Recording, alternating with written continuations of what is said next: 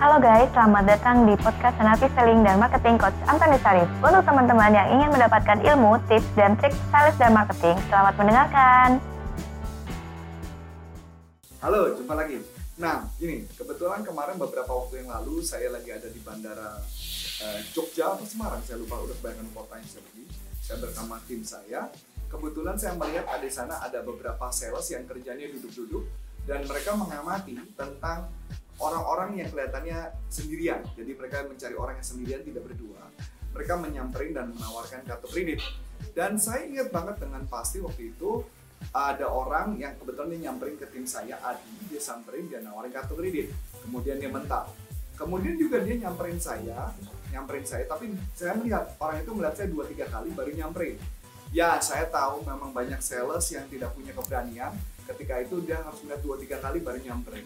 Kenapa itu nggak berani? Karena mereka mengalami ketidakpedean ketika melakukan.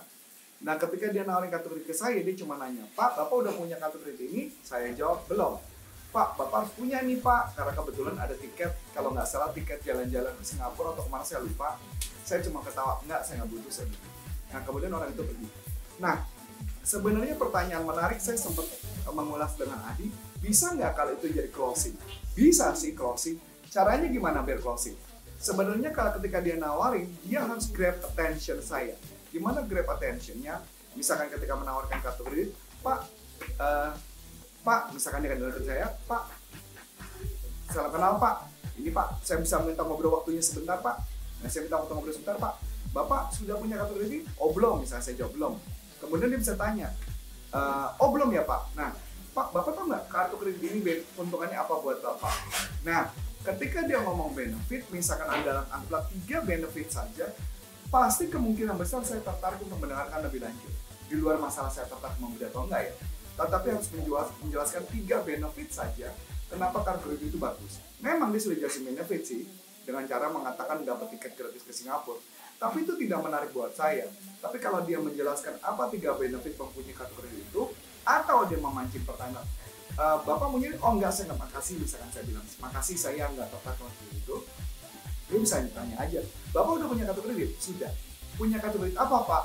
Oh saya punya kartu kredit ini dan itu misalnya. Kemudian dia bisa tanya lagi lanjut.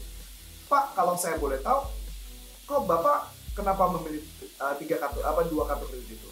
Nah nanti pasti saya jelasin alasannya kenapa. Nah, ketika jelasan alasannya apa, dia bisa mengkonekkan sebenarnya dengan kartu itu yang dijual dengan cara mengkonekkan itu otomatis saya jadi pasti tertarik dan pengen tahu lebih lanjut.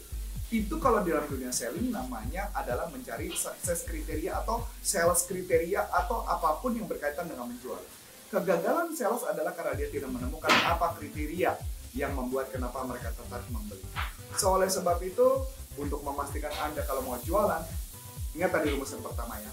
Tanya dulu berikan perhatian tiga kasih tiga keuntungan kemudian tanya misalkan nggak tertarik sudah punya kartu kredit atau belum? Kalau misalkan sudah punya kartu kredit anda bisa tanya bapak pakai merek apa?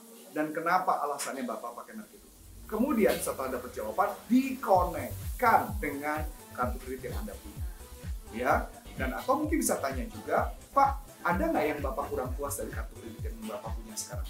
Kalau saya jawab ada. Apa? Jawabannya baru dikonekkan dengan produk anda.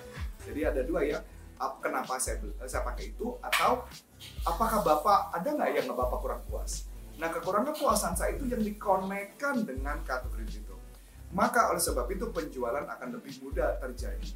So oleh sebab itu gunakan cara yang pas dan tepat. Bila cara yang pas dan tepat maka penjualan akan meningkat. Saya Antoni Sarif mengucapkan terima kasih. Sukses buat anda dan sampai jumpa. Bye bye Nah, untuk teman-teman yang sudah menerangkan, terima kasih ya. Dan nantikan podcast selanjutnya.